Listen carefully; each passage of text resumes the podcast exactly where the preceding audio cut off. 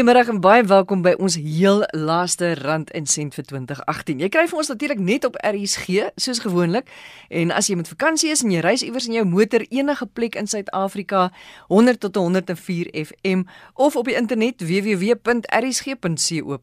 of die DStv kanaal 813. Ek is Susan Stein. Baie dankie dat jy vanmiddag saam met ons luister. Baie dankie ook vir jou ondersteuning van die afgelope jaar. Sonder jou sal ons nie die program kan doen nie.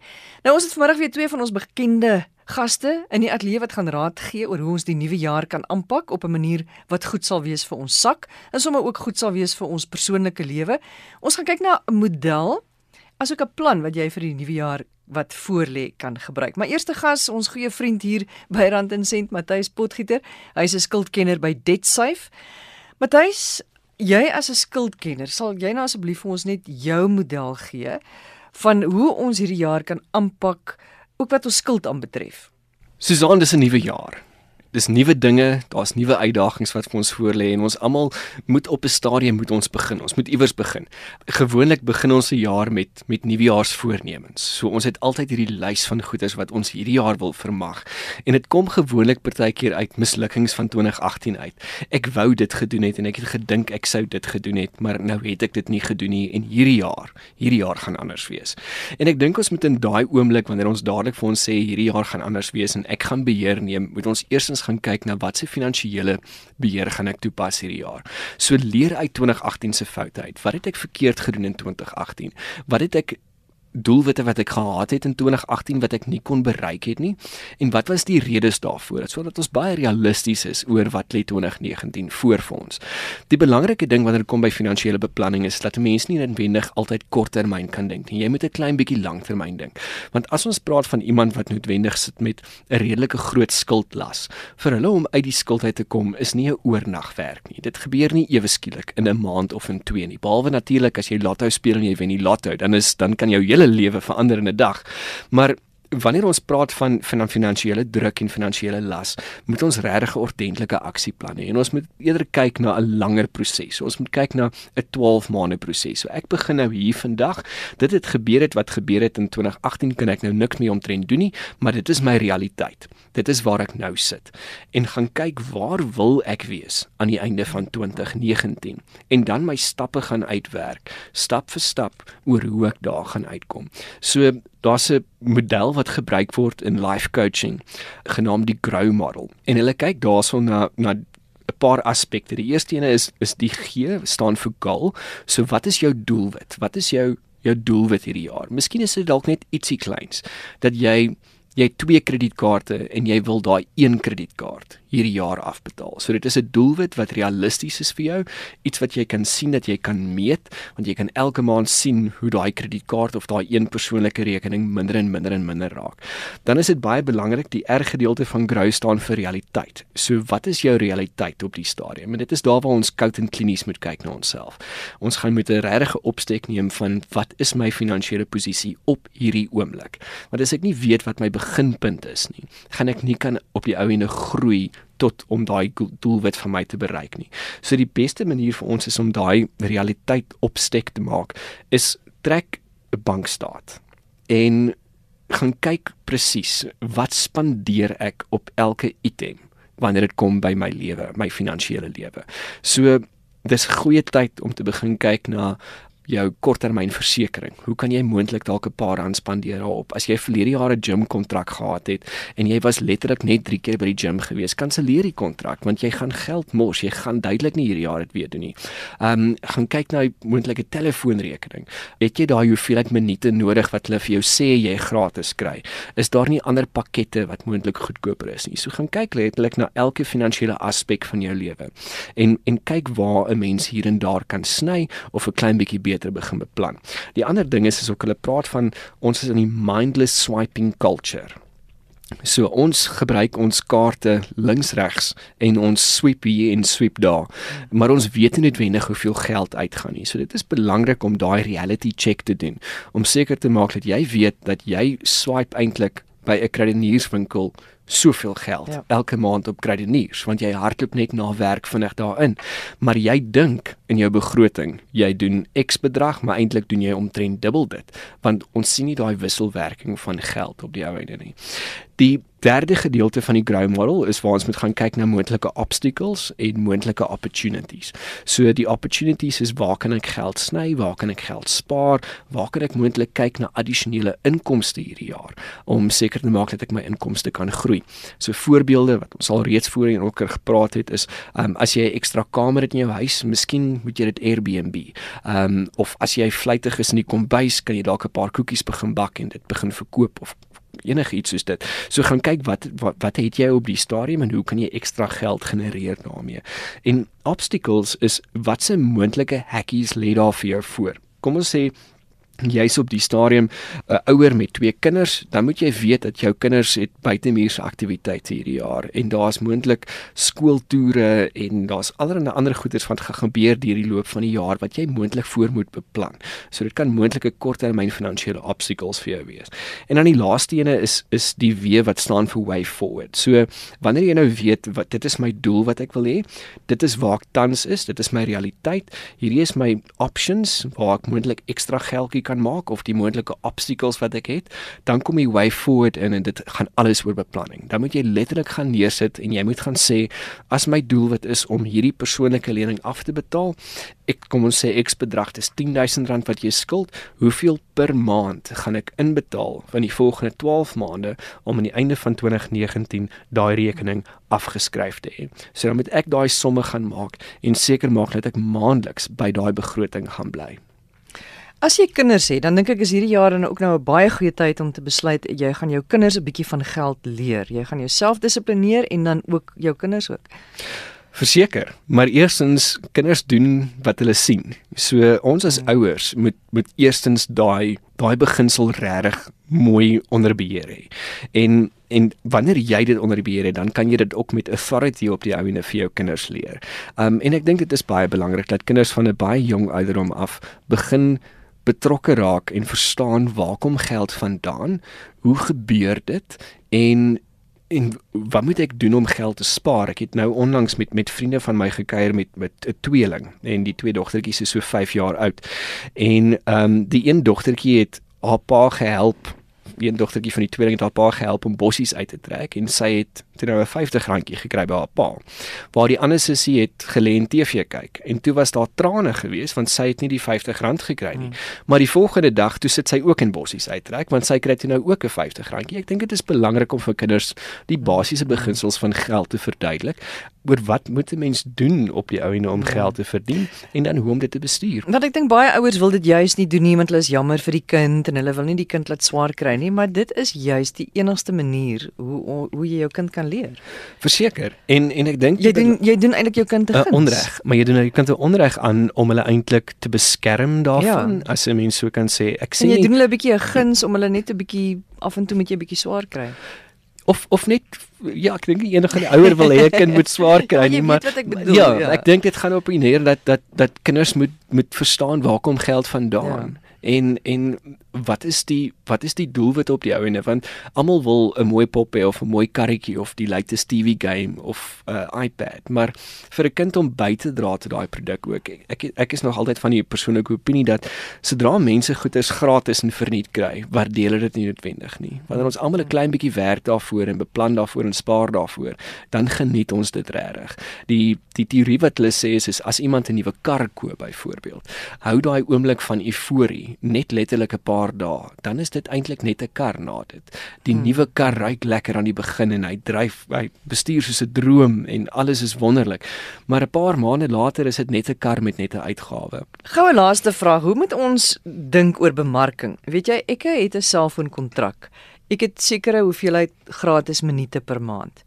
Nou kom ek agter stuur my diensverskaffer vir my 'n SMS wat sê jy het nog net 150 minute oor koop dadelik vir jou nuwe en dan ja. dink ek o oh, ek moet dadelik koop en dan skielik dink ek maar 150 minute is jy weet amper 3 uur. So hulle probeer jou vang met daai oh, jy het nog net dit oor jy moet nou dadelik dit koop. So hoe moet ons ons gedagtes, hoe moet ons bemarking begin lees en ons gedagtes daar rondom verander sodat ons nie uitgevang raak nie? Jy moet eersins weet wat jy het, soos wat jy sê. As jy net 150 minute oor het, 150 minute is is baie tyd as al 'n week oor is in die maand. Ehm um, spandeer jy regtig soveel tyd op jou foon en en is dit nodig vir jou om daai addisionele uitgawe uit te gaan? So bemarkers ehm um, gaan verseker probeer in jou vel en in jou beursie inklim. Ehm um, so ek dink Suid-Afrikaners moet eers gaan kyk wat het ek? Dit wat ek gebruik, is dit nodig? Ehm um, het het ek het ek nog ekstra nodig? Ehm um, want ons sit partykeer met hierdie scarcity probleem wat ons in Suid-Afrika het. Ons is net so bang dat dat dit gaan opraak ja, of dat dit gaan ja, klaar raak ja. of dat ons net nie dit gaan hê nie. En en partykeer het ons dit eintlik glad nie nodig nie. So bemarking is iets wat nie gaan weggaan nie. Dit dit gaan vir altyd daar wees. Bemarking en advertensie is iets wat so deel is van ons wêreld. Maar ek dink ons moet mooi begin kyk na dit wat bemark word aan my, daai produk wat wat aan my bemark word of daai diens. Het ek dit regtig nodig en moet ek noodwendig die top-up doen soos in jou konteks? Matthys baie dankie. Ons hoop 2019 is 'n baie baie goeie jaar vir jou. Ek is seker ons gaan jou nog 'n paar keer sien hier in die ateljee. Matthys Potgieter, hy's 'n skuldkenner van DebtSafe. En ons volgende gas, gereelde spreker hier is Ann Ligman. Sy's 'n entrepreneur, 'n openbare spreker, mentor en ook die direkteur van die Pullback en Iona Foundations. Nou en baie dankie dat jy tyd maak om vanmiddag met ons te praat. Jy het uh, vir ons 'n manier om te beplan vir 2019, nie net vir jou geld sake nie, maar sommer oor die algemeen. Hoe lyk jou planne vir 2019 of jou voorstelle vir ons vir 2019? Ek sou sê jy moet jou plannetjie optrek. Dit's niks so goed soos die visuele plan of die geskrewe plan nie. So jy gaan jou begroting opstel en jy gaan hom reg hê teen die middel Januarie want die werklikheid slaan jou van die eerste week in Februarie. Dan gaan jy nie net jou visuele plan vir jou geld sake opstel nie, maar vir jou lewe. Jy gaan letterlik jou lewe in oënskyn neem en elke afdeling in jou lewe na kyk. Jy gaan kyk na jou kulturele aktiwiteite, jy gaan kyk na jou ontspanningsplan vir die jaar. Jy gaan kyk na jou gesondheid en jy gaan kyk na jou opvoeding. Jy gaan kyk na jou professionele loopbaan En dan gaan jy kyk na jou geld sake as 'n afdeling, so jy gaan begin kyk na hoe skep ek rykdom. So dis 'n soort holistiese beskouing. Dis 'n holistiese en dan kyk jy na familie en vriende. Ek doen die balanced wheel wat 'n uh, sielkundiges baie uh, toepas en en loopbaanbeplanners baie toepas. Ek gebruik die balance wheel en toevalliglik het ek nou gesit en ek gekyk na my plan wat ek aan die begin van verlede jaar, my begin van die jaar September. Ehm um, so ek ek hardloop op die Hebreëse kalender. So September het ek hom opgestel verlede jaar 2017 en ek het hom getrek en hy het soos die 'n uh, spinnekop rak gelyk. Jy weet, alles het so skeef getrek. En nou trek ek my plan nou aan die begin van my nuwe jaar op. Nou sien ek my sirkeltjie is baie meer vol rond en die verskil is dat voorheen het ek nie my plan neergeskryf nie, maar in die jaar wat verby is, was my plan neergeskryf. Ek het hom nou gesit gevolg en enigiets wat dit bedreig het ek net geëlimineer. En wat was in nou, daai plan? Daai punte. Dit is al daai punte wat op die balanced wheel is, sodat jou hele lewe wie jy is as persoon in die samelewing in jou geestelike lewe in jou sosiale lewe in jou loopbaan is uit kan amper sê soos 'n dit lyk soos 'n spinnerak. So dit is 'n goed gebalanseerde plan want jy baie baie goed al die aspekte al die aspekte wat jou droom gaan realiseer en dan komplementeer jy dit met wat die Engelsman die vision boarding noem. Jy maak jou prentjies as jy droom van 'n droomvakansie, knip 'n prentjie uit, plak hom. So jou vision board begin ook nou belangrik word. As jy prentjie het vir jou loopbaan, as jy nou kyk na jou jou jou jou, jou laaste dag op universiteit of jou jou dag wat jy gradueer kyk 'n prentjie in 'n tydskrif plak hom sit hom daar op jou jaarplan jy weet. So jy stel jou jaarplan op nie net vir geld sake nie. En dan kom Februarie dan skop jy hom af Nou is die atmosfeer net reg want almal wil weet wat is jou nuwejaarsvoorneme en hoe gaan jy dit in werking stel. So jy het om die kampvuur Desember maand gepraat of jy het by die huis gepraat om die braaivleisvure en jy het nou 'n bietjie wegbreek gedoen en net 'n bietjie gemediteer of wat jy ook al doen om jou plan saamgestel te kry. Kom Februarie maand nou skop jy hom af en jy hou by hom. Jy wyk nie 1 inch af van jou plan nie. Want as jy gaan af van jou plan af gaan wyk, dan loop jy die gevaar om te spandeer en ek praat nie net geldelik nie. Ek praat selfs tyd en energie op iets wat nie deel is van die oorspronklike plan nie. Net gou om te hou by geld sake by die rande en die sente. Hoe dink jy of of wat is 'n goeie as jy miskien 'n lys van wenke het wat nuwejaarsvoornemens betref in terme van jou geld sake? Om te sorg dat jou geld groei, om te sorg dat jy die regte verhouding met geld het. Wat sal jy sê? Kyk, ons sit met 'n situasie in Suid-Afrika.